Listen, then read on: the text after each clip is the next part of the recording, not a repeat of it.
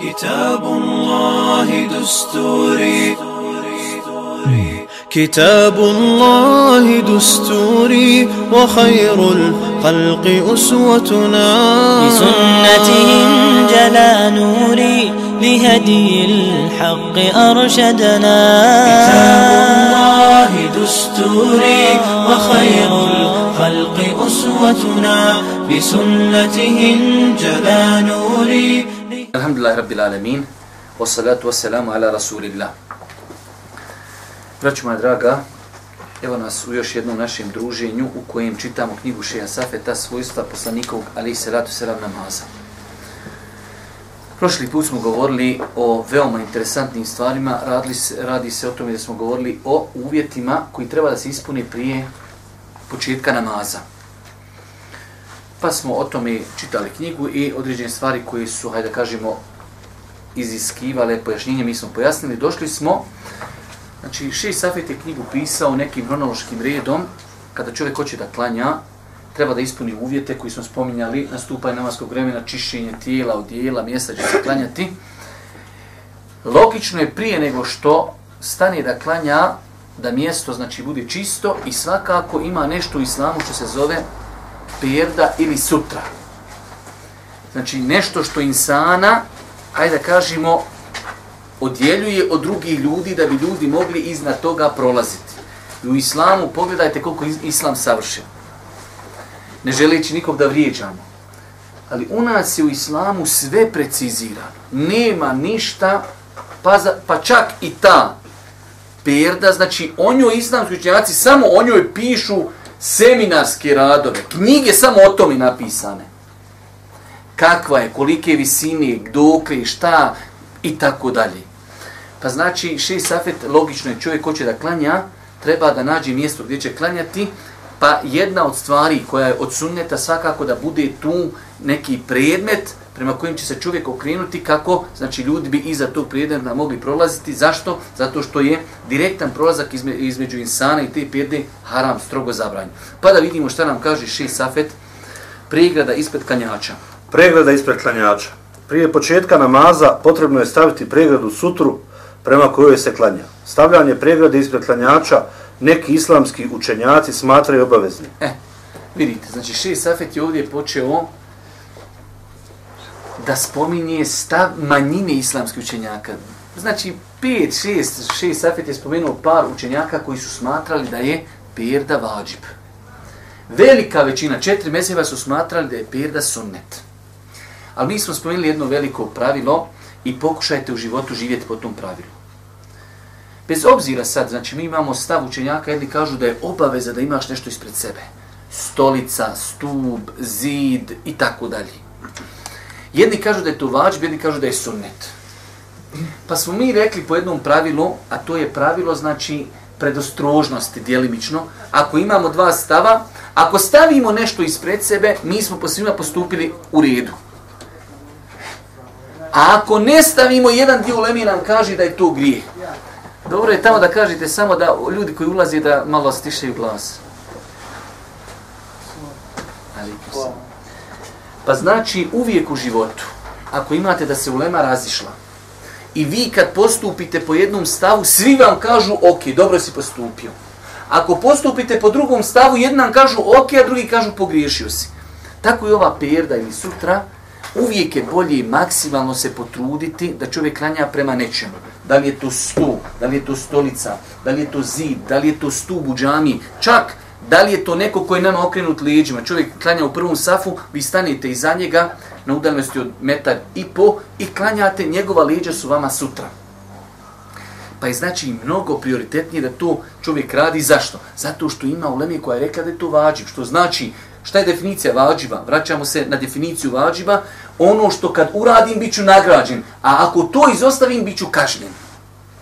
Pa po ovoj ulemi oni kažu, namaz ti jeste ispravan, ali si griješan što ne klanjaš prema nečemu. Prema zidu, prema stolici i tako dalje. Pa imamo znači dva mišljenja po pitanju, o, o, po, po, u pogledu ovog pitanja. Ali, da je jedan dio ulemi rekao da je to vađi, mali dio ulemi, a četiri mezeva su rekla da je to, da je to sunnet. Dobro, nastavi nam čitati na, na, na prvi dokaz, kada je dokaz učenjaka koji smatraju da je pregrada u namazu obavezan. Znači, šest safet mi smo rekli, ovo je komparativni fik, komparativna knjiga. Mi ćemo samo pročitati dva dokaza, da vidite da imaju dokazi u kojima je poslanik naredio sutru. A znate da postoji poznato pravilo u, u terminologiji, sve što je došlo u naredbenoj formi, iz toga proizilazi vađib. Pa da nam pročitaj prva dva hadisa. Dokazi učenjaka koji smatraju da je pregrada u namazu obavezna. Broj 1 od Ibn Omera se prenosi da je poslanik sallallahu alejhi ve sellem rekao: "Ne klanjaj osim pregra prema pregradi i ne dozvoli nikome da prolazi ispred tebe. Ako pokuša, spriječi ga silom, jer zaista s njim je šeitan." Vidite, ovaj hadis je kod imama muslima. Boži poslanik, to je jedna od eh, najjačih načina negacije. Ne klanjaj osim prema. Znači, nemoj nikako klanjati osim da klanjaš prema nečemu, prema toj pregradi ili sutri. Pa znači, iz ovoga su islamski učenjaci uzeli da je taj način izražavanja iz njega proizilazi vađiv. Hadis je kod imama muslima, prvo znači njegova vjerodostojnost nije upitna, njegov e, način izražavanja odgovara formi vađiva. Tako da je ovo izuzetno jak dokaz. Dokaz broj 2. Dokaz broj 2. U hadisu koga prenosi Ebu Sejd el-Hudri stoji da je poslanik sallallahu alaihi ve sellem rekao Ko bude klanjao, neka klanja prema perdi, neka joj se približi. Neka ne dozvoli nikome da prođe između njega i pregrade, a ako pokuša uprkos tome, neka mu zabrani silom. Zaista je on šeitan. 607 u Fusnoti Ebu Davud prenosi ovaj hadis, hadis vjerodostan. I ovaj hadis, znači, kaže Allah poslanik, ko bude klanjao, neka klanja prema perdi. Pa opet, znači, Boži poslanik naređuje klanjanje prema perdi, tako da su ovi dokazi, šest safet je navodio nakon toga i druge dokaze, e, govor e, tabiina, ashaba, mi ćemo tu sve e, preskočiti, samo zadnji cijelina, dakle, dokazi koji Dakle, dokazi koji obavezuju korištenje pre, pregrade općeg su karaktera i vrijede za onoga koji boravi u svome mjestu i za putnika. Prenosi se da je poslanik sallallahu alejhi ve sellem naređivao dok je bio na putu da mu se usadi koplje prema kome bi klanjao. Zašto ovo šest spominje? Zato što imate uleme koja opet imate uleme koja kaže da se perda ne odnosi u Mekki. Ima uleme koja kaže perda se ne odnosi na putovanju ali kaže Šej Safet, tačno je da su dokazi o sutri perdi općeg karaktera. A sjećate se smo prošli put govorili, kada u šerijatu, kada smo govorili o mestvama, kada dođe nešto općenito karaktera, nema niko pravo da to sužava, osim ako zato ima dokaz. Pa, znači, hadisi koji govori o perdi su došli općenito, što znači treba kad klanjamo kući, kad klanjamo u džami, kad smo na putu, kad smo u Mekki, kad smo u Medini i tako dalje. Govorit ćemo poslije o tome da velik broj ljudi u Mekki se e, labilno odnosi prema tome. Pa ćete vidjeti da ljudi, neko tavaf i neko čini saj, neko nahađu, ono sa, znači, veoma lako prolazi ispred klanjača, što je veliki problem. Što je veliki problem. Znači, imamo više dokaza iz kojih se može shvatiti da je e, pregrada u namazu obaveza. Nakon toga dolazi nam e, najjači dokaz koji u Buhari i muslimu Ibn Abbasa, dokaz u Lemije koja kaže da pregrada nije obavezna. Pročitaj nam taj hadis. Dokaz učenjaka koji smatraju da je pregrada u namazu sunnet. Ibn Abbas je došao jašući dok je poslanik sallallahu alejhi ve sellem predvodio džemat na mini. U jednoj verziji Ibn Abbas kaže: Klanjao je poslanik sallallahu alejhi ve sellem, a ispred njega nije bilo zida. Ovaj hadis bilježi Buhari i Muslim. Ibn Abbas, inače to je jedan duži hadis u Buhari i Muslimu, kaže ja sam došao, a bio sam, kaže, urijed punoljetan, Boži poslanik je klanjao s ljudima, pa sam ja, kaže, ostavio magarca na kojem sam jahao, prošao sam kroz safove i vi ćete ovaj će nam hadis poslije, treba da je dozvoljeno prolaziti izme, kroz safove kad se klanja. Samo ne može se klanjati, prolaziti ispred imama. Pa sam, kaže, stao u jedan saf i klanjao sam, a poslanik nije klanjao prema zidu. Dok je rekao Ibn Abbas, normalno na mini nema zidova. Dok je rekao nije klanjao prema zidu, misli nije klanjao prema sutri. Nakon prema otvorenom je znači klanjao. Dok drugi učenjaci kažu, dobro, on nije klanjao prema zidu, ali je klanjao prema nečemu drugom. Ali hadis u Buhari muslimu, e, Ibn Abbas kao Arab, znači ashab, učen čovjek, dok je negirao da nešto, znači nema zida pred Božim poslanikom, ali se ratu selam, može se istoga shvatiti da je Boži poslanik klanjao, znači bez, bez perde ili bez sutre. Ako bi se ispravno shvatio ovaj hadis, znači on bi onda onu e, naredbenu formu tamo koja je spomenuta u hadisu muslimu, on bi nju ublažio na sunnet, jer da je bilo vađi, Boži poslanik bi to svakako postavio. U svakom slučaju, mi nećemo e, više spominja, Ši safir je spomenuo pet dokaza, ali e, zadnju stvar samo, kako se zove, međutim, mnogi ibadeti, evo tu. Međutim, mnogi ibadeti po svojoj spoljašnosti izgledaju teški poput pet dnevnih namaza u džematu, post, hađ, džihad i tako dalje. Ali ih je Allah propisao jer, jer je u njima korist za ljude na ovom i na budućem svijetu. Tako je i u vezi sa pregradom u namazu. Jednostavno, logički dokazi ne vrijede i ne uzimaju se obzir pored jasnih poslanikovih sallallahu alaihi wasallam naredbi. Ovo je še Safet citirao kao odgovor jedan od dokaza u Leme koja kaže ne treba perda uvijek, kažu to je poteškoća. Kad god hoćeš klanjati uvijek treba nešto da bude ispred tebe. Pa oni kažu logički dokaz je teško je to. Pa še Safet je odgovorio na taj dokaz i kaže e, mnoge stvari se uvjeri ne uzimaju logički. Vidjeli se prošli put potrebni po mestvama. Čovjek kad voda u mestvama ozdol isprlja nogu. Pa Alija radijallahu ta'ala kaže kada bi vjera bila po logici, ja bi kaže ozdol potirao mestve jer su se ozdol isprljale. Ali kaže, ja sam vidio poslanika da potiri ozgor. Tako i tu. Ako mi nađemo jasan hadis da iz njega proizilazi da je vađib sutra, znači mi više ne gledamo logika ili teško ili nije teško. Čovjek će se vremenom naviknuti da kad god hoće klanjati da bude blizu nečega. U svakom slučaju, e, i še i Safet nije preferiraju nijedno mišljenje, ali znači treba uzeti sebi uvijek u životnu praksu. Kad god imate da je nešto naređeno i neko duleme to smatru vađib, pokušaj živjeti po tome pokušaj živjeti po tome. Mi se vraćamo na početak. Naš čovjek hoće da klanja, ispunije uvjete, nastuplo je namasko vrijeme, abdestuje, E, obuko je čistu odjeću, njegova e, znači, mjesto gdje će klanjati je čisto, treba da postavi pregradu. Ta pregrada može biti znači stub, može biti zid, može biti stub, mogu biti nečija leđa. Pa smo rekli da je njen propis da to ne bi trebalo ostavljati. Ali ako neko i ostavi, znači uz Allahu pomoć svakako namaz mu ispravan i nadati se inšala da nije griješan. Nakon toga postavlja se logično pitanje, ok, mi imamo prigradu, šta sve može biti prigrada i ima li ona u šerijetu neki svoj opis? Pazite, u nas je toliko vjera precizna da i ta prigrada između tebe i ljudi ima svoj opis. Pa evo samo neki opisi. Prvi opis je izgled e, pregrade i neki propisi vezani za nju. Prva stvar. Šerijatski ispravna pregrada treba biti u visini sedla, to jest visine podlatice na što upućuju vjerodostojni hadisi. To je to. Znači, prva stvar koja se vezuje od propisa, da kroz hadise Božih poslanika iščitavajući o pregradi, došlo je da minimalno pregrada treba da bude visoka, pod, u arapskom jeziku podlatica je od lakta, ovda do vrha prstiju. Znači, nešto, e, perda ima ograničenje visine, a nema širine.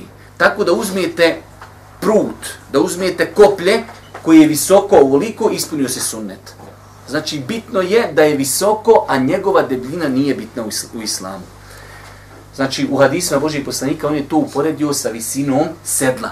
U visini, znači sedla, onaj dio gdje se čovjek nagni na sedlu, on je otprilike visok, kao što kažu islamski učenjaci, visina podlatici. Pa znači, jedan od propisa, šest safete navodio dokaza, mi to nećemo inšala mnogo se zadržavati. E, trebamo znati da pirda je sunnet, znači da je treba da je ima i da treba da bude visoka kao podlagica. Ima ovdje iz prethodnih hadisa se razumije na, na e. iz prethodnih hadisa razumije se da je korištenje pregrade legitimno bez obzira da li klanjač očekuje da će neko proći ispred njega ili ne. Evo. I to je interesantno. Čovjek dođe kod kući i kaže, ja sam u sobi, nema, sam sam u kući. Evo, ili ovdje sam, evo u ovim prostorija sam, sam sam došao, hoću klanjati takšam. Mogu ja ovdje dole klanjati jer nema, znam da niko neće doći prolaz. Makar klanjao sam, propisano je da se primakniš zidu ili stolu ili stolici i tako dalje. Pa da ne bi insan pomislio, znači samo ako sam u džami i postoji mogućnost da će neko proći iz mene, tada treba pregrada. Ako je, znači kad sam sam ne treba, ne. Uvijek treba znači čovjek da se potrudi da klanja blizu nekog predmeta.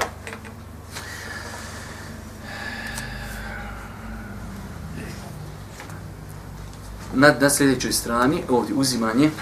Uzimanje pregrade i zabrana prolaska ispred klanjača vrijedi također za mekanski i medinski harem kao i za ostale džamije, jer nema validnog argumenta koji ukazuje da na njihovo izuzimanje. E, ovo je znači veoma bitna stvar. čovjek ode na hač, ode na umru. Vjerujte da se dole ljudi, znači da se insan e, koji praktikuje tu mišljenje zgroža i se kako ljudi lako prelazi ispred klanjača. Ima u Lemi, ima u Lemi koja je rekla u Mekki ne treba sutra. Znači može se prolaziti između ljudi, ali kad uzmemo dokaze, svi dokazi koji govori o sutri su općeg karaktera i dokazi koji izuzimaju u Mekki ili su daif ili su indirektni.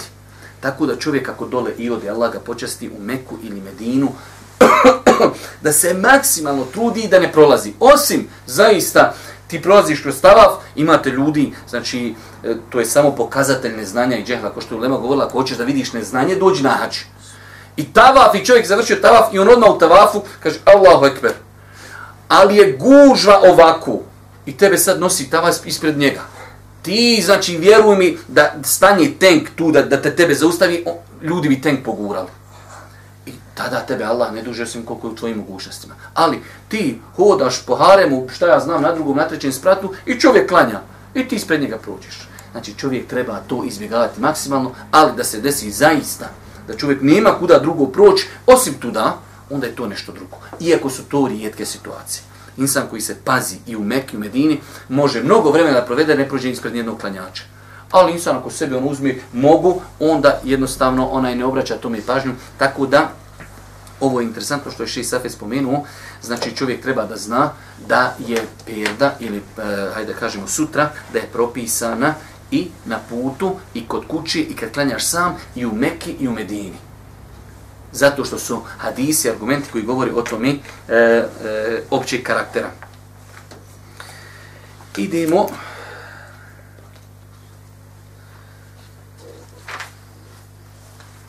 Ovdje u ovo vrijedi, odnosno prelazak ispred klanjača ovdje. Prolazak ispred klanjača također umanjuje vrijednosti njegovog namaza. Prenosi se da Abdullah ibn Mesud rekao, onaj koji prolazi ispred klanjača umanjuje vrijednost njegovog namaza. Imamo prije toga isto mm. hadise koji govori o tome, znači, e, samo se gore vrati od mm. Ebu Džuhejma. Od Ebu Džuhejma se prenosi da je poslanik sallallahu alaihi wa sallam rekao, kada bi znao onaj ko prođe ispred klanjača šta je zaradio od grijeha, bilo bi mu bolje da sačeka 40, kaže Ebu Nadr, jedan od prenosilaca. Ne znam da li je rekao 40 dana, mjeseci ili godina. Znači, Ilhamdla, kod nas u, u Bosni generalno narod smatra velikim grijom prolaskom ispred klanjača i to treba tako i da ostane. Znači, proći ispred klanjača je veliki grijeh do te, do te mjere da je Boži poslanik kaže da insan zna koliki grijeh je počinio, sačekovi 40. Pa je čak i ostavio 40 neograničeno, čak postoji mogućnost da se misli tim 40 godina. Dođe čovjek krenuo da se napije u haremu zemzema, pa čovjek klanja, ma hajde, bliže im je tri koraka, ispred njega ću proći. Čak imate ljudi muslimana, ako ga zaustaviš u Meki, ljuti se na tebe. Čovjek počne da se ljuti što je neispravno, braću madra, znači prolazak ispred klanjača je veliki, veliki grijeh i čovjek treba da se maksimalno, da se maksimalno trudi da to e, izbjegne. S druge strane, time se umanjuje nagrada, time se umanjuje nagrada namaza iz ovoga što smo pročitali malo prije. Imamo sad problem jedan, a to je, imamo čovjeka koji klanja. I on klanja prema sutri. Između njega i sutre je haram proći hoćemo proći, trebamo proći iza tog ili stuba ili već šta je. Ali šta ćemo s čovjekom, imate kod nas običaj stari dedo, dođe u džami, odmah pored džamije, stani s desne strane i Allahu ekber. Gdje sad mi ispred njega možemo proći da ne počinimo haram? On nema sutri. Da li je skroz gore do mihraba haram ili ima neko drugo ograničenje? Imamo dole, znači na kraju stranici, ovo vrijedi, na kraju samo izvini. Evo. Ovo vrijedi ako klanjač klanja prema šerijatski ispravnoj pregradi. Ali šta je sa onim ko klanja na otvorenom bez pregrade? Da li je dozvoljen prolazak neposredno ispred njega i gdje je granica nakon koje je dozvoljeno proći ispred klanjača? Imam Ibn Hazm kaže, ko prođe ispred klanjača, koji nema pregradu ispred sebe, na udaljenosti većoj od tri podlatice, nije griješan. A klanjač nema pravo da mu spriječi prolazak. E, znači ste vidjeli ovo je rekao Ibn Hazm. Znači vi kad sklanjate imate perdu, ako neko želi da pruži ispred te, imaš pravo da ga zaustaviš, čak je došlo u hadisima, zaustavi ga nasilu. Kaže, ako on ti jedni nasila prođe, fekatilhu, potuci se, bukvalno ubi ga, ali ono, potuci se sa njim, kaže, zaista je sa njim šeitan, znači šeitan ga gura da prođi. Ali to je kad? Kad ti klanjaš blizu zida. Ali sad si ti došao u džamiju, stao si odmah pored vrata, i Allahu Ekber, i sad si uzurpirao pod navnim znacima ljudima, da ljudi ne mogu ispred te prelaz, znači na desnu stranu džamije. Pa kaže Ibn Hazm insan, znači gore iznad tri podlaktice od čovjeka, to je neki metar i pol, ako prođe, nije griješan i ovaj nema pravo da ga osporava. Ima pravo samo da ga osporava tu negdje gdje je on blizu njega. Ako dalje gore prolazi, nema pravo da ga osporava. Pročitaj nam još jednom Ibn Hazmov govor. Ima Ibn Hazm kaže... Ko prođe ispred klanjača, koji nema pregradu ispred sebi, mm -hmm. na udaljenosti većoj od tri podlaktice, nije grešan, a klanjač nema pravo da mu spriječi prolazak. Dobro. To je znači govor Ibn Hazma. Imamo dole Šej Ibn Baz kaže... Šej Ibn Baz tvrdi, koliko se god čovjek više udalji od klanjača, koji klanja bez pregrade, sigurnije od grija. E, znači imamo primjer čovjek, evo rećemo da neko klanja ovdje dole i bez pregrade. Mi imamo dozvol da prođemo ispred, znači, od prilike na metar i po, mi možemo gori ispred njega proći i inšal nismo griješni. Ali što se ti više odaljiš, sve je to srcu, znači, draže i sigurnije. Pa čovjek, znači, ako je neko klanja na početku džamije, ti možeš nakon dva metra proći ispred njega. Ali ako je već prazna džamija i ti želiš u prvi saf, idi gore, znači 10 metara pa skrini ispred njega, to je znači sve što se dalje odaljiš od njega je bolji, ali ako je prošao ispred njega na metar i pol, dva metra, uz Allahovu pomoć čovjek nije grišan. Zašto? Jer je on zakazao, nije postavio pregradu. Kad on postavi pregradu, između njega i pregrade je haram proći i ne samo haram proći, on ima pravo da te zaustavi. Ima pravo da te zaustavi. Dobro. Pregrada imama je ujedno pregrada i muktedije. Dolazi nam novo pitanje, nakon što smo definisali gdje bi trebala da bude perda, kolike je visine, kakva je njena širina, e sad se postavlja pitanje, klanja džemat i imam svakako ili u mihrabu ili negdje na polju pa je zabuo onako koplje, preda se ili nešto, znači on klanja i ima čovjek potrebu da pruži između safova.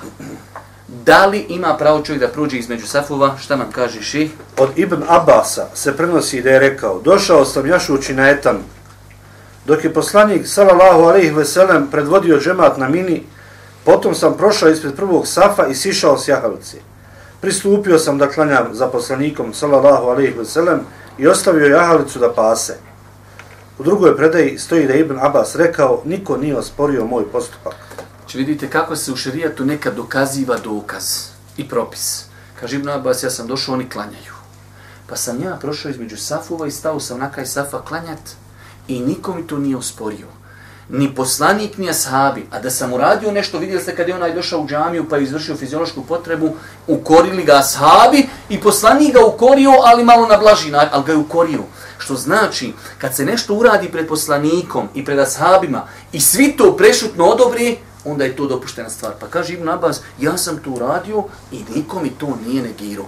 Pa znači, imate kod nas ljudi, i ja sam lično slušao rasprave neki, e, koji smatraju da je zabranjeno prolaziti između safova. Ako čovjek ima potrebu, normalno neće čovjek hoda bez vezi, ali ako ima potrebu, nekada si ušao u džamiju i da bi došao do kraja safa da ga popuniš, moraš između safova proći, nema nikakve smetnje. Zašto? Zato što je perda ili ta sutra imama, ona je sutra svih klanjača. Zabranjeno proći između imama i njegove pregrade. A dole između safova, uz Allahu pomoć, nije znači zabranjeno, s tim što svakako ne treba čovjek bespotrebno hodati, zato što tu svakako dekoncentriši ljude u namazu. Imamo dole zadnje pitanje, ovdje se posle. Znači ovdje sad radimo, mi smo u džematu. Klanjali smo i imamova sutra i naša sutra. E šta se desi? Ja sam došao na jaciju, dva rekiata sam okasnio. I nakon dva, pa bio sam možda u trećinu četvrtom safu. Nakon što, sa, što je imam predao selam, ja ustajem klanjati i ljudi odošli klanjati sunnete ja ostajem na praznom terenu, nemam sutri. A rekli smo na početku da je pohvalno, pa čak po nekoj ulemi i vađi bi imati sutru. Šta ću sad? Da li da se pomjerim ili da ostanem na tu mjestu? Pa šta nam kaže Ši Safet? Kada klanjač koji je zakasnio na jedan ili više rekata ustane nakon što imam preselami, želeći upotpuniti svoj namaz, tada pregrada imama više nije njegova pregrada. Pa šta treba činiti? Okay. Odgovor. Ima mali kaže, nema smetnje da se klanjač malo pomjeri, bilo naprijed ili nazad, lijevo ili desno u potrazi za sutrom. Ako bi sutra bila malo dalje, završit će namaz na mjestu gdje se nalazi. Ibn Rušd kaže, Ako je pregrada blizu, približit će joj se. Ako nije, klanjač će ostati na mjestu na kome jeste, dok grijeh pada na one koji prolaze neposredno ispred njega. To je to. Znači, uzmite se to, imate ljudi koji e, iz nekih drugih razloga smatraju da je se e, zabranjeno pomjeriti u namaz. Ako čovjek klanjao i pored njega je tu stup, da se pomakne malo desno i da bude taj njegov stup, znači sutra u ovoj situaciji, kada je čovjek ustao da naklanja i ostao je bez sutre, ili neko ljudi sjedi i zikri, znači, ali je malo desno, da se pomjeri korak ili dva, desno, lijevo, pa čak nekad malo i nazad, sve je tu dopušteno. Ali, čovjek je došao u zadnji saf i klanja i ljudi se raziđu sad, onda bi došao do sutre, to je treba doći do vrha džamije. U tom slučaju kaže Ibnu Rušt i to je inšala ispravno, jer je to već mnoštvo pokrita u namazu, onda će čovjek ostati na onom mjestu gdje ga i zateklo na klanjanju namaza. Ali znači ako potrebno je da se pomiri korak lijevo, korak desno, korak naprijed ili dva ili korak nazad, uz Allahom pomoć nema nikakve smjetnje. Tu je lijepo znati, velik broj ljudi to ne zna. A, pogledajte koliko je naša vjera to sve precizirala. Nakon toga, e, Šeji Safet nam je ovdje spomenuo jedno lijepo poglavlje, nažalost, mnogo nepoznato našim narodu. Ja lično znam ljudi koji po 50 godina klanjaju, bešvakat. I onda se razboli i zadnjih 10, 15, 20 dana boravi u bolnici i od te bolesti umri, ali u tim danima nije klanjao. Zato što kaže ima na meni neđaseta, zato što imam kateter, zato što je krv na meni, ne znam gdje je kibla, ležim na, na krevetu i tako dalje. I znači oni najbitniji dan u njegovom životu, jer Allah poslani kaže, doista se djela cijeni po završnici. 50 godina klanja i oni 10 dana umri kao neklanjač. Pa imate u svim knjigama fika poglavlje koji se zove namaz bolesnika. Šej Safet nije detaljisao, Ulema govori o tome mnogo, mnogo, mnogo e, širi, ali vidjet ćemo Šej Safet je znači rezimirano spomenuo, nama je bitno za, zapamtiti. Insan u islamu, obaveze islama se vezuju sve dok imaš razum. Čovjek, ne daj Bože, kad bi bio paralizovan potpuno, ali razuman, Miče u ustima, njegov mozak je znači u redu, zna sve, ali ne može ničim njemu obaveza klanjati. Kako će klanjati? Ulema će mu pojasniti sve dok je razuma njemu je obaveza klanjati. A da ne govorimo o bolesniku koji ima kateter neko ima operaciju ili leži na krevetu, on je deset puta u manje teškoj situaciji od ovog insana, znači za njega je mnogo, mnogo prioritetnije da mora klanjati. Pa da vidimo šta nam kaže Ši Safet. Bolesnik klanja s hodnom mogućnostima. Namaz je obaveza koja se namjerno i svjesno ne smije propustiti. Ibn Hazm kaže, Islamski učenjaci su složni da ne postoji razlog zbog koga bi se namaz mogao namjerno ostaviti, već se klanja shodno mogućnosti, stojeći, sjedeći, ležeći, pokretima glave ili kako već može. Evo vidite, ovdje Ibn Hazm u, u dvije rečenice sve pojasnio. Nema razloga da se namaz može odgoditi. To prvo moraš zapamtiti. Imaju situacije kad si mu safi da možeš spojiti namaze, da ih možeš skratiti, tako da. Ali, mimo toga, podne ima svoje namasko vrijeme, mora se klanjati u podnevskom vremenu. E sad, normalno, zdrav čovjek će ga klanjati u džematu, klanjat će stojeći, imamo bolesnog, imamo, on će svodno mogućnostima. Bojte se Allah koliko možete. Naša vjera, zapamte večeras, sva je zasnovan na povjerenju. Nikad ne treba, ne treba i to nije, nije bilo u istoj da neko stane na vrata džami i kaže, e, sigurno imaš abdest, ti imaš, ti ne. ne. Ti između tebe, Allah, imaš li abdest? Ramazan, e, ti sigurno postiš tu vjer. Isto ovo. Čovjek zna između njega i Allaha, može li stajati u namazu? Ako može, obavezno je klanjati. Stojeći. Kaže, ne mogu ljudi, boli me leđa, imam jake bolove, rekao mi doktor, sjedi. Ne trebaš nikom dokaz, ne trebaš donositi mufti i kaj, pazi, evo da ti donesem ja e, papir, da mi dadneš dozvol da ja klanjam sjediš. Između tebe i Allaha. Muftija, znači u islamu, ti dadni odgovor, kaže, ako možeš, moraš stajati. Ako ne možeš, moraš sjedički. Ti samo onda ćeš biti pitan pred Allahom kako si klanio. Nerijetko, normalno, imamo olakšenja, o, o, kad ljudi nekad pitanjima olako pristupaju. Čovjek je malo u penziji, ali on ti može od Bistrika otići do, na Baščaršiju, prošita i vrati se i onda u džamiju dođe i farz klanja na, sjede, na stolci. Kaže, umorio sam se. E, Boga mi to paša ne mere. Trebao si da tu snagu čuvat za namaz, da nemoj vodat po Baščaršiji i ganja dole šitanluke. Ali tu između njega i Allaha, Ali čovjek treba da zna gdje su granice u šerijatu. Noćni namaz, kaže Isusu, sam išao na baščašiju, sjedi, klanjaj noćni namaz sjedečki odmah u startu. Može, ali farz, ako si zdrav, moraš kan stojeći. Pa Ibn Hazm, znači kaže, ne može se namaz odgoditi. Nema razloga. Da još jednom nam počinu. Slušajte šta kaže ovo je. Ovo je govor težak puno. Šta kaže? Islamski učenjaci su složni. Složni? Znate šta to znači? Konsenzus. Iđma. Šta su složni? Da ne postoji razlog zbog koga bi se namaz mogao namjerno ostaviti. Namjeru, svjesno. Kad znam ja, evo ističe namaz, ja ću njega odgoditi. Nema, ne postoji, kaže takav. I dok šta? Da je rekao po džumhuru, po veći... Ne, po konsenzusu. Ok, nakon toga šta još kaže? Već se klanja shodno mogućnosti. E, zašto je on ovu klauzulu stavio? Zato što će neko doći i kazat, pošto smo prošli put rekli, ja nisam na njemu ponio bijelicu, ja sam, nemam se džadi, nisam ponio tespi, nisam ponio ovo. Klanjaš shodno mogućnosti. Imaju pravila, imaš na sebi neđaseta, pokušaj ga otkloniti, e, bolestan si, klanjaj sjedički i tako dalje. Nemoguće je sad da govorim o tome, to je jedno veliko poglavlje, ali je bitno zapamtiti nema razloga zbog čega možemo odgoditi namaz i klanjamo onako kako možemo. A kako možemo klanjati to između nas i Allah? Neko će klanjati ležički, neko će klanjati na boku, neko će biti okrenut u kontrapravcu od kibli, neko će klanjati u, u, u stojeći, neko leži i tako dalje. Shodno mogućnosti. To je jedno znači veliko pravilo. Vratimo se, ja ne znam otkud meni ovo, da se vratimo na još jedno pitanje koje Šeji Safet obradio. radi se prije namaza. Danas se puno putuje i mene su dosta puta ljudi pitali, vjerujem i svako od vas je bio u nekoj situaciji, da li se može, kad smo rekli, treba nam mjesto. Ok, imamo mjesto, imamo pregradu, ok. Ali neka to mjesto je, hajde kažemo, vrti se. U autobusu smo, u avionu smo, na brodu smo. Da li je to razlog da mi odgodimo namaz? Čovjek kaže, vozim se, idem za Ameriku iz Istanbula poliječim u 11 sati i sleću u Americi najveći u 12 sati. Podnik, Indija, Akšan i Acija su mu u zraku. Šta ću? Hoću li čekati da sletim u Ameriku ili moram klanjati u zraku? Pa šta nam kaže Ši Safet? U to vrijeme kad je Ulema pisala stare knjige prije 1200 godina, za njih je sredstvo jedino prijevozno tada bilo poznato nestavino brod. I sve što važi za propis broda, važi danas za avion i važi za autobus. Šta nam kaže Ši Safet? Poslanik sallallahu alejhi ve sellem pitanje o namazu na brodu pa je odgovorio klanjaj stojeći osim ako se plašiš da se ne utopiš. Do, većina islamskih učenjaka. Većina islamskih učenjaka smatra stajanje u namazu na brodu obaveznim. Ako postoji mogućnost za to. Ovo mišljenje zastupaju Ebu Jusuf, Mohamed ibn Hasan, učenjaci Malikijske, Šafijske, Ambelijske i Zahirijske pravne škole.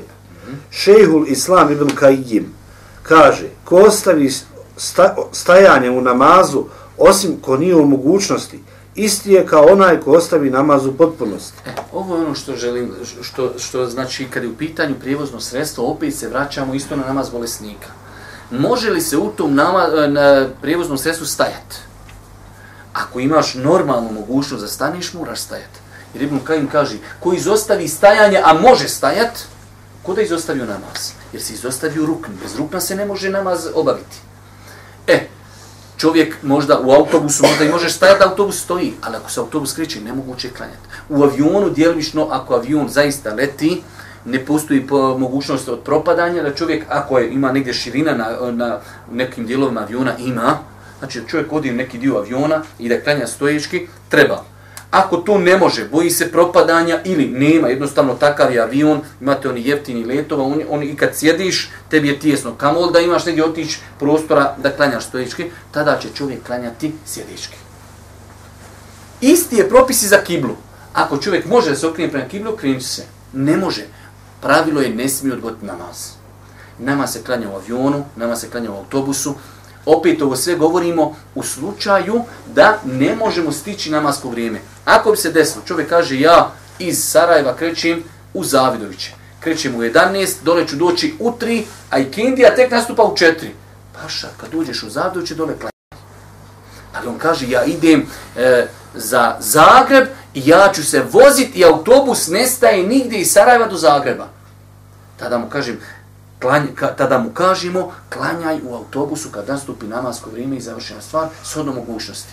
Ako se može okrenuti na kibli, okreni. Ako ne možeš, okreni se kako ide autobus. Ako možeš stojići, može. Ako ne može, sjedički. Ovo su velika pravila koja, nažalost, nažalost, nažalost, veli broj ljudi danas u umetu ne poznaje.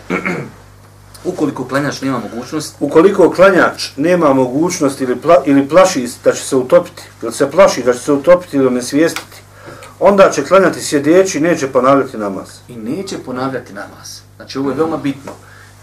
U onom momentu ti kad obavio namaz, ti si podzio sve što si mogo šerijetski. I ništa, e, dobro, klanio sam tada, ali sam izostavio rukn. Pa kad dođem negdje tamo gdje sletim ili dođem, ja ću ponoviti. Ne, ne, ne. Ti si uradio u tom momentu ono što si mogu i vjera te ne duži da ponoviš taj svoj namaz. Dobro, idemo, znači, govorili smo o pitanju bolesnika. Nakon toga, e, namaz u papučama. Noćni namaz, znači, mm, ima jedno malo poglavlje šest safet je spomenuo da je Boži poslanik ali sad sam nekada klanja stojeći, noćni namaz, nekada sjedeći, nekada stojeći. Generalno je pravilo na filu, odmah, koju god na filu klanjaš, možeš početi klanjati sjedički. Odmah. Da neš nekakav razlog. Ali ti je namaz pola nagrade. Namaz na filu, ako klanjaš sjedički bez razloga, je pola nagradi. Ali možeš, nije rukn, znači da moraš klanjati stojeći. To je znači jedno veliko pravilo vezano za nafilu. Za razliku od farza, ako moraš stajati, znači ako možeš zdravstveno, onda moraš, to je obaveza. Nakon toga, namaz u papučama. Ima tu poglavlje? Ima. Pročitaj nam. Sunet je povremeno klanjati u nanulama ili papučama. Prenosi se da je poslanik sallallahu alejhi ve sellem rekao: "Razlikujte se od židova, oni ne klanjaju u papučama i mestvama. To jest vi klanjajte u njima." Kada je Enes ibn Malik upitan da li je poslanik sallallahu alaihi ve sellem klanjao u papučama, odgovorio je da. Znači, ponekad, braću madra, pogotovo kad se zadesi da čovjek ima i potrebu za tim. Evo, ko neku noć mi u sali ili si negdje na izletu, ciljano klanjaš u obući da bi ispunio sunet Božih poslanika, ali se ratu se nam. Tamam da si negdje na izletu, imaš ti se džadu, imaš deku, možeš tim cipele, možeš... Ne, tada klanjaj u obući da bi ispunio sunet Božih poslanika, ali se rado se nam, jer znači od suneta je da se povremeno klanja u obući. nakon toga, nakon što smo ispunili sve one uvjete, od kojima smo govorili prošli put, dolazimo konkretno, hoćemo klanjati. Podni namaz i kindiju namaz, šta nam prvo treba? Rekli smo prošli put, Ši Safet je o tome govorio kada je govorio o abdestu, nijet. Učimo ezan, uči ezan, 12 sati, to je podni. Dok kreniš abdesti, ti kažeš idem abdesti, zašto? Da bi klanjao podni. To je tvoj nijet. Ali je bitno da imaš nijet. Jer vjerujte, u datim momentima je to potrebno, neka se čovjek zbuni, znalo se, vjerujem svakom od vas ko redovno klanja, moramo se makar jednom u životu desit, dođeš na ikindiju namazu, ali se nešto podnesu te misli, ti misliš da je podni i završiš mm. podnina. Poslije, halo, ja cijelo vrijeme nijetio da je podni. Moraš ponoviti namaz. Zašto? Jer si ti nijetio taj namaz. Pa je nijet uvjet ispravnosti i badeta.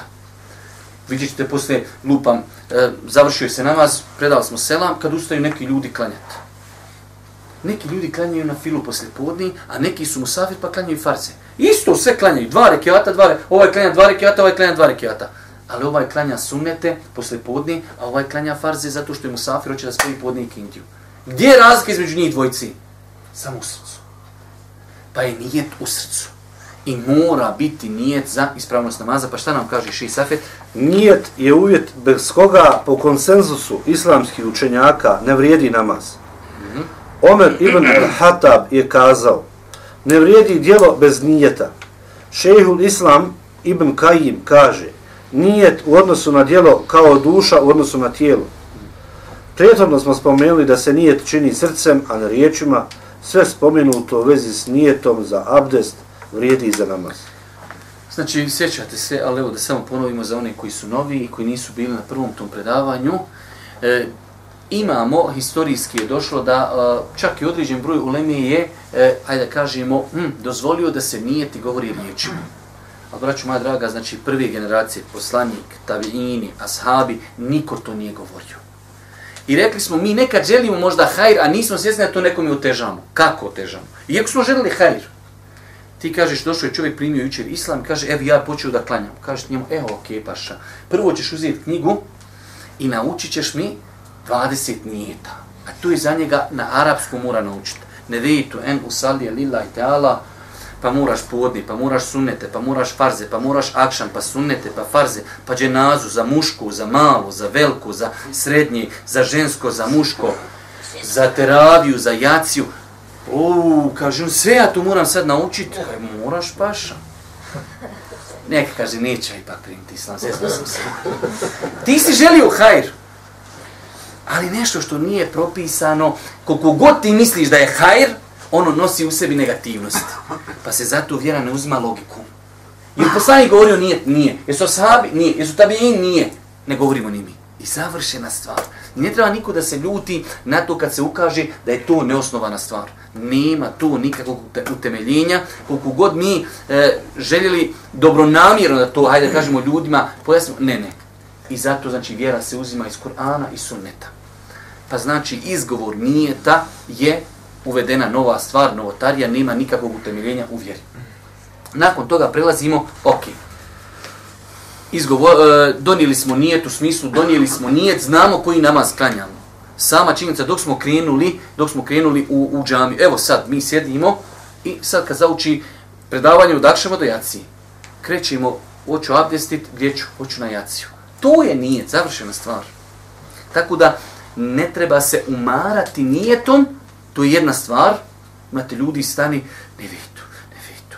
Ili neko ko ima, obs, e, ima malo problema sa, sa vesesama. Allah, Allah, Allah, Allah, Allah. Nema Allah, nema ništa. Allah, ekber i gotovo. Ja sam koliko puta gledao ljude koji imaju problem sa vesesama. Da li sam kaj izgovorio slovo R? Allahu ekber. Kako on izgovori? Halo, paša, je to vjera, tako ti Allah? Allahu ekber i gotovo. Sam mogu i kako bez R izgovoriti. Kako da neko ima Allahu ekber. Halo, ko ima li na ikona? On tu mu kaže, možda se kaj ostavio neki harf. Ili pere, pere ruke, abdes, pa on... Ja sam gledao ljude, sve ovako gleda, da nije gdje ostalo vodi. Brate, uzmiš vode i završeno, nema tu, znači, nikakve poteškoći. Pa je tako, znači, e, dolazimo do početnog tekbira. Šta nam kaže Ši Safet, početni tekbir? Početni tekbir. Poslanik, salallahu alaihi ve sellem, počinjao je svoj namaz tekbirom. Alija ibn Ebi Talib je rekao, kada bi poslanik, salallahu alaihi ve sellem, ustao na namaz, rekao bi Allahu ekbar. Početni tekbir je jedan od temelja namaza. Nima namaza bez početnog tekbira. Ima razilaženje kod ulemi, može li se namaz početi sa nekim drugim veličanjem Allaha mimo Allahu Ekber? Pa ima mezheba koji kažu može, ali mi se opet vraćamo uvijek, mi sebi imamo pravilo. Je li ikada preneseno od poslanika i ashaba da su počeli namaz bez Allahu Ekber? Nikad. Onda mi ostajemo da se počini namaz sa Allahu Ekber.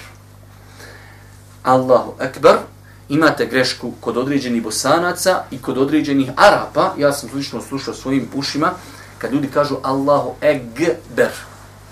Čuo sam ljude muezine kako uče jezan sa Allahu Ekber. Allahu Ekber znači Allah je najprašnjaviji. Od gubar. Ekber. A Allahu Ekber, Allah je najveći. Pa se ovi riječi moraju izgovoriti pravilno. Allahu Ekber. I ne može ih nikakva druga riječ zamijeniti. Okej. Okay. I to je elementarni, znači dio namaza. Čovjek kad bi, kad bi privat čin da kaže, digne ruke i počne, alhamdulillah rabbil alamin, njegov namaz nije validan, jer nema početnog tekbira. Dobro, šta nam kaže Šeji Safi dalje? Ibn Rafija Ezareki prenosi da je poslanik sallallahu alaihi ve sellem rekao nije ispravan namaz dok se propisno ne abdesti, a potom ne kaže Allahu ekbar. Islamski učenjaci su složni da namaz počinje tekbirom, a izrazita većina iz prvih i potonjih generacija smatra da je početni tekbir sastavni dio rukn namaza. Ok. Imamo izgovor, to je Allahu Ekber. Prilikom izgovaranja riječi Allahu Ekber se podižu ruke. To je ono jedno od najfamoznijih pitanja u, u, u, u našoj vjeri. Iako, znači, vidjet ćete, To je toliko prosto, mi ne raspravljamo ko razmišlja o namazu, ko razmišlja o fatihi, ko zna prijevod, mi raspravljamo dok je ko podiga u ruke. Ali da vidimo, znači prvo šta nam je šeji safet po tom pitanju. Dizanje ruku pri, pri početnom tekbiru. Allahu poslanik, salallahu alaihi veselem, dizao bi ruke prije tekbira ili sa tekbirom ili poslije tekbira. Vidite šta ovdje znači. Kad neko čita sam knjigu, sino smo to navodili u Fahdovoj džami dole na predavanju, e, mnoge stvari čovjek ne može nekad ni razumjeti dok mu to neko ne pojasni. Znači imamo tri načina kako čovjek može izgovoriti početni tekbir.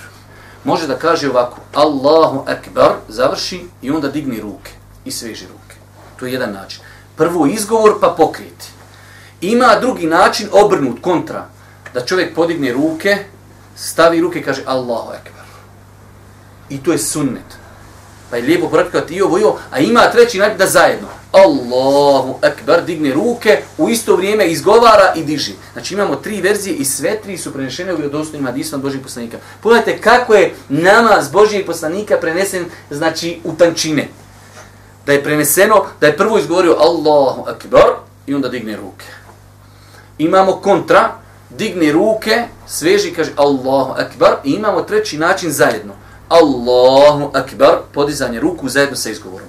Pa je znači od sunneta čovjek nekad ovo praktikuje, nekad ono i sve tri stvari su ispravne. Dobro, to je jedna stvar, znači izgovaranje početnog tekbira je ruk, temelj, pod jedan. Pod dva, ne može se ništa kazati osim Allahu ekbar. Po tri, dozvoljene su tri verzije. Ovo su već sunneti. Kakvoća podizanje ruku je, znači sunnet, da čovjek može ove tri verzije da praktikuje. Dobro, šta nam kaže nakon toga? Imam Ibn Munzir, Tahavi, Mawardi, Ibn Abdul Ber, Ibn Hazm, Ibn Rušt, Ibn Kudame, Neuvovi i Be Beberti navode konsenzus učenjaka o ispravnosti dizanja ruku pri početnom tekbiru. U smislu misli se da kad čovjek kaže Allahu Ekber i tada podigne ruke, to je znači navodi svi konsenzus da se tada dižu ruke. Doće oni momenti kada je dizanje ruku, znači da li je sunnet ili nije. Ali pri početnom tekbiru svi kažu tada se podižu ruke. E sad ćemo vidjeti dok li se podižu i šta se nakon toga radi. Dobro. Nakon što čovjek... Dizao, reci, reci, pročitaj. Dizao bi ruke, medden. To jest, nije spajao prste, niti ih je puno razdvajao. Pogledajte kako je prenesen namaz Božih poslanika u, u tančine. I ruke, kako su one izgledale, preneseno je. Pa kažu, kad bi dizao svoje ruke, ne bi spupljao prste, niti bi ih širio. Već bi to znači, inače većina pokrijeta u namazu su normalni. Kad došli došli, Allahu akbar, znači bez nešto ti sad moram stisnuti ruke, moram vako, moram vako. Ne, ne, normala. Hoćeš sjest, sjedi normalno. Hoćeš na ruku, na ruku normalno. Podigni ruke, sve nešto u normali. Ono, znači, ono što odgovara ljudskom ti čovjek, inače kad oda drži ruke, niti drži skupljeno, niti drži rašireno. No, e tako, Allahu akbar. Završena stvar. Pa je znači tako dizao Boži poslanik ruke, znači ispružio bi svoje prste, ne bi ih širio, ne bi ih skupljao. U nekoj normalnoj znači dizao bi ruke i to je preneseno od njega medden. Znači ispruženih prstiju, ne raširenih i ne spojenih. Dobro što nam dalje kaže? Nije ispravan hadis u kome se kaže da je poslanik sallallahu alihi wasallam širio svoje prste pri početnom tekviru. Ovo je znači odlika šehove knjige i on je tu rekao na početku da će nekada povremeno ukazivati na određene stvari koje nisu temeljene. Pa kaže hadisi u kojima se govori da je Boži poslanik širio prste, oni nisu autentični. Tako da ostajemo na onoj našoj osnovi da ruke kada se dižu, dižu se u nekoj normalnoj formi, ne raširujući, ne skupljajući. Dobro? Allahu poslanik sallallahu alejhi ve sellem ponekad je dizao ruke u visini ramena, a ponekad u visini svojih ušiju, tako da bi mu dlanovi bili u pravcu kible, a prsti ni skupljeni, ni rašireni. Od Ibn Omera se prenosi da bi cijelo svoje tijelo okretao prema kibli, čak i svoje palce kada bi dizao ruke. Znači, vidjet ćete dole, još nam samo imala da vidimo, e, ima dole na jednom mjestu, kaže Ši safet, Također nije vjerodostojan hadis kojim se spominje da je Boži poslanik sam dizao svoje ruke u visini prsa. Dizanje ruku je sunnet u smislu kakvoća. Kakvoća. Čovjek da kaže Allahu Ekber i stavi ruke i počne klanjati, njegov namaz je valita. Dizanje ruku je sunnet. I ovo na početku i poslije. Ali insan koji hoće da baš klanja po, po kako je Boži poslanik, ali sad sam trebao bi da ove stvari zna, jer svaki put kad digne ruke ima za to sevap. Pa nam ovdje šest safet pojašnjava šta je preneseno od Božijeg poslanika dok je dizao ruke. Prvi način je, evo vidite, kad se ruke ljudske previju samo, evo ovako. Znači samo da čovjek previ ruke. To je dizanje ruku u visini ramena. Samo da čovjek znači digne ruke. To je jedan način, a kaže dizanje ruku u visini prsa nije preneseno. Kad se ti moraš malo potruditi ovako, ne. Znači normalno kad dođeš u visini ramena i u visini ušiju. Ovo su dva načina koja su validna, prenešena od Božih poslanika, dizanje ruku prilikom obavljanja namaza. Da čovjek uradi bilo koji drugi način, njegov namaz je validan. Ali mi govorimo šta je u tančine preneseno od Božih poslanika. Prvi način, znači da svoje samo ruke svoje savije. I tada će mu ruke biti u visini ramena. I drugi način da se malo potrudi da ih podigne gore prema ušima.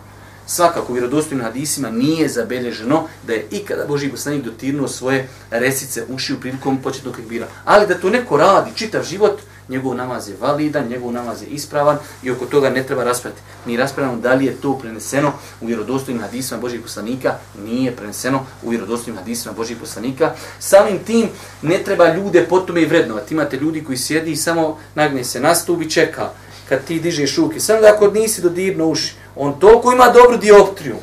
On tebe čak ako dođeš blizu, ne, ne, ne, kaže još, još, još malo bolje. E, sad si kaj je dobar. Bolest, to, to vam se zove bolest. To je bolestan insan koji znači zato što je e, najveća bolest dolazi čovjek od neznanja. Najveća po čovjeku dolazi bolest od neznanja. Kada je čovjek neznalica i ne zna kakav je propis toga. Paša, ti si tako naučio i tako, elhamdulillah. Diži i dodiruj, ali pusti drugim ljudima da imaju drugo mišljenje. Dobro, e, znači imamo ovdje da postoji dva načina dizanja ruku i Allah najbolje zna, e, lijepo je prakticirati nekada jedan način, nekada drugi način.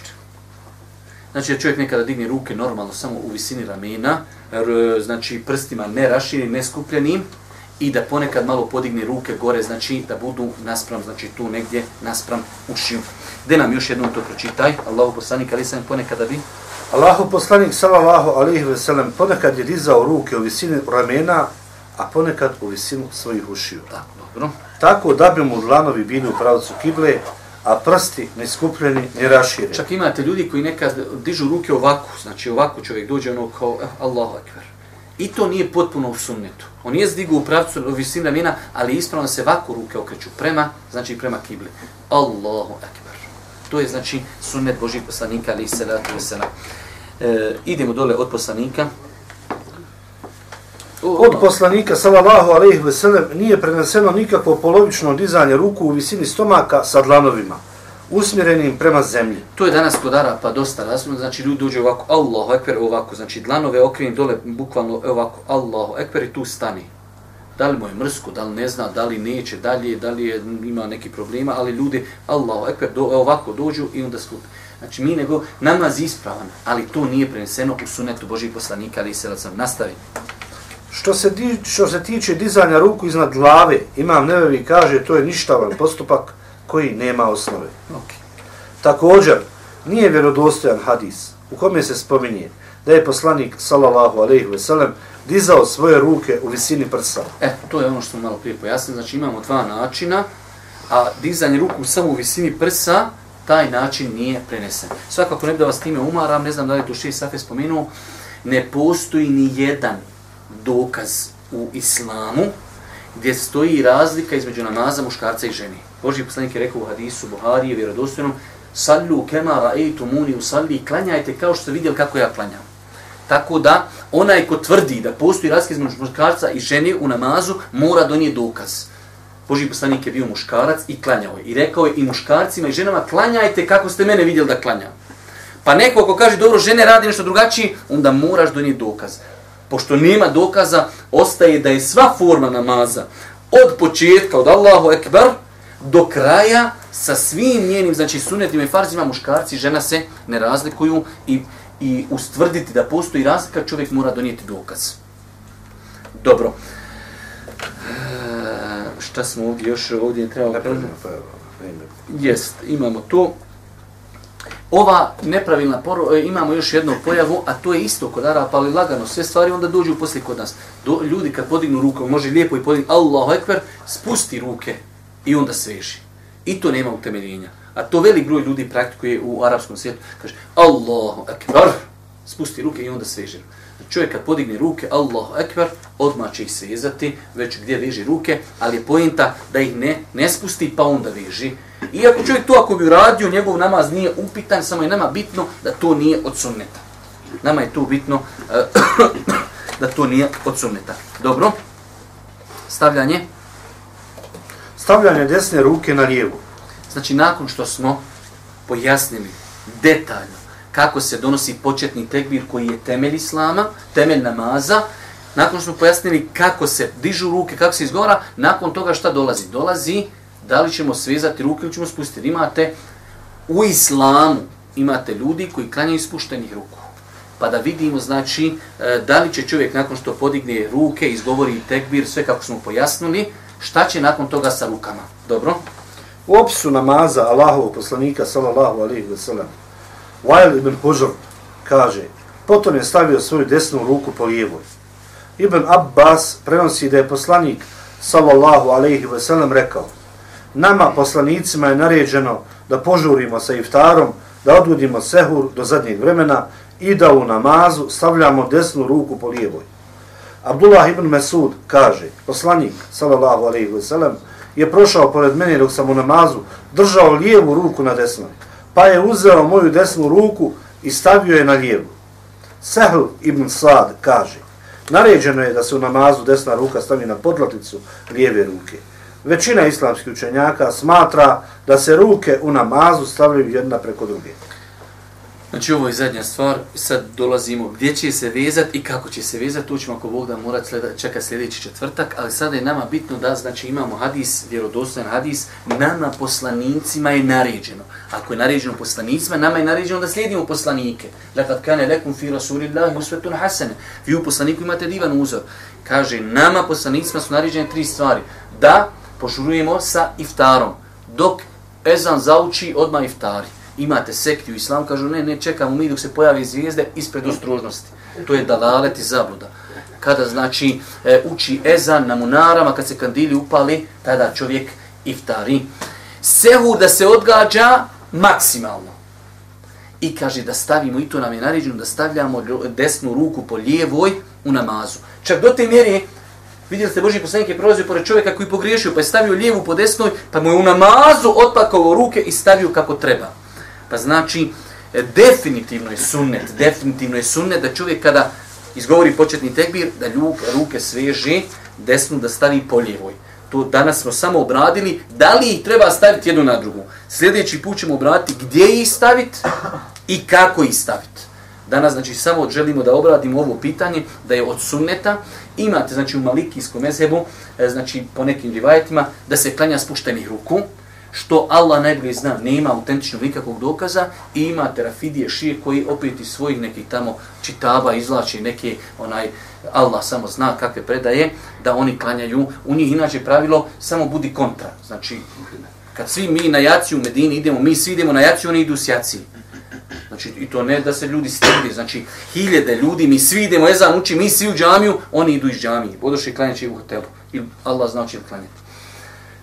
I e, tako isto, Mi svi u umetu vežemo ruke, oni kaže mi ćemo, mi ćemo odvezati. Mi ćemo da bude, onaj, kako se zove, u nas odvezane ruke. Uglavnom, sunet Božih poslanika je jasan. Namaz ko bi obavio, obavio spušteni ruku je ispravan po konsenzusu. Zašto? Zato što je vezivanje ruku, znači, nakon Božnog tekbira, sunet. Ali je to sunet Božih poslanika, ali se ratu sram, koji ne treba izostavljati. Večeras ćemo se, ako Bog da ovdje e, zadržati, e, zaustaviti, pošto nam dolazi te neke lijepe teme, pa da vas malo integriramo i da vas malo zagrijemo da nam dođete i sljedeći put počinjemo od onih najiškatljivih pitanja gdje ruke svezati i kako ih svezati. Molim Allah Đelšanu da nas poduči propisima naše vjeri. Molim ga subhanahu wa ta'ala da budem gostim na sudnjem danu na kraju subhanika Allahumma wa bihamdike. Ešhedu ila ila ila anta astaghfiruke wa atubu ilayk.